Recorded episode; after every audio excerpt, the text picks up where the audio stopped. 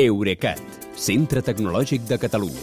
Innovant amb les empreses. Innovant amb tu. Albert Cuesta, bona nit. Bona nit, Kilian.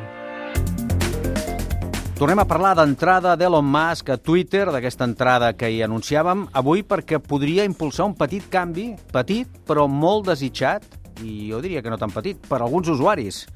Uh, efectivament, a veure, tot i que només comprant el 9% de les accions de l'empresa ja ha fet que, pugui, que pugin tant que si les vengués ara guanyaria 800 milions de dòlars, a mi, si no, clar, és, és el que té, té tenir diners. Sí. Uh, uh, no sembla que en Musk hagi fet aquesta inversió per guanyar més diners dels que ja té, sinó més aviat per orientar Twitter amb la direcció que més li convingui com a canal de màrqueting personal i de les seves empreses, de Tesla, de SpaceX i de les altres coses.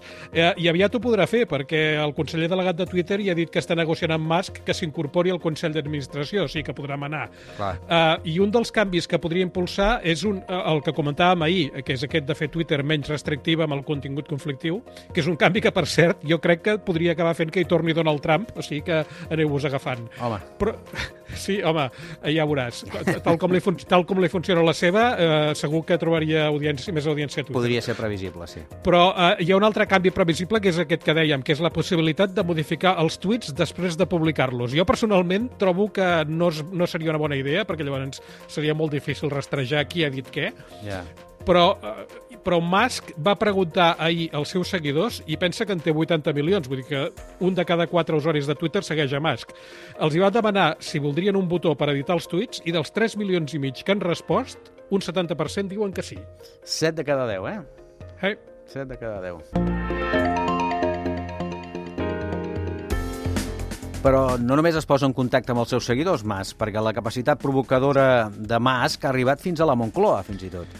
Ah, exacte. Quan ahir va circular la notícia que el govern espanyol ha promès invertir 11.000 milions de fons europeus en fabricació de xips, que també ho explicàvem ahir, uh, uh, Elon Musk va piular que el que Espanya hauria de fer és construir un parc fotovoltaic enorme que fos capaç d'alimentar tota Europa.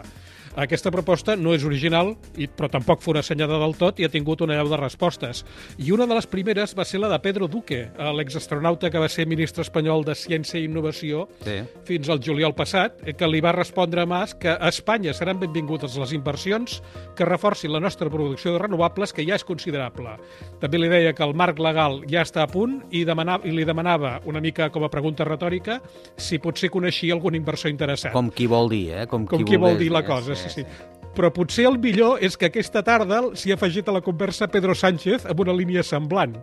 El president del govern li diu a Musk que ja estem aplicant, amb la implicació de tots els sectors, un ambiciós pla d'energies eficients i sostenibles que maximitza les oportunitats, la digitalització i la cadena de valor per a un èxit de llarga durada. Ara és el moment de fer-ho bé, un discurs tipus Sánchez, diguéssim, Sí. i pot vostè venir a veure quan vulgui. I perquè no quedi cap dubte, ho acaba reblant amb un els inversors són benvinguts a Espanya. Doncs aquí ja no és allò de dir-ho eh, per passiva, aquí ho diuen activament ja, eh? Sí. I així tenim mig món digital i analògic pendent de les ocurrències una miqueta d'aquest multi, multi, el número 1, multi, multimilionari. Sí, com dèieu abans, efectivament, és el que, és el que té tenir diners. Cert.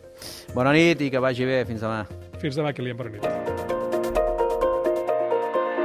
Eurecat, centre tecnològic de Catalunya. Innovant amb les empreses. Innovant amb tu.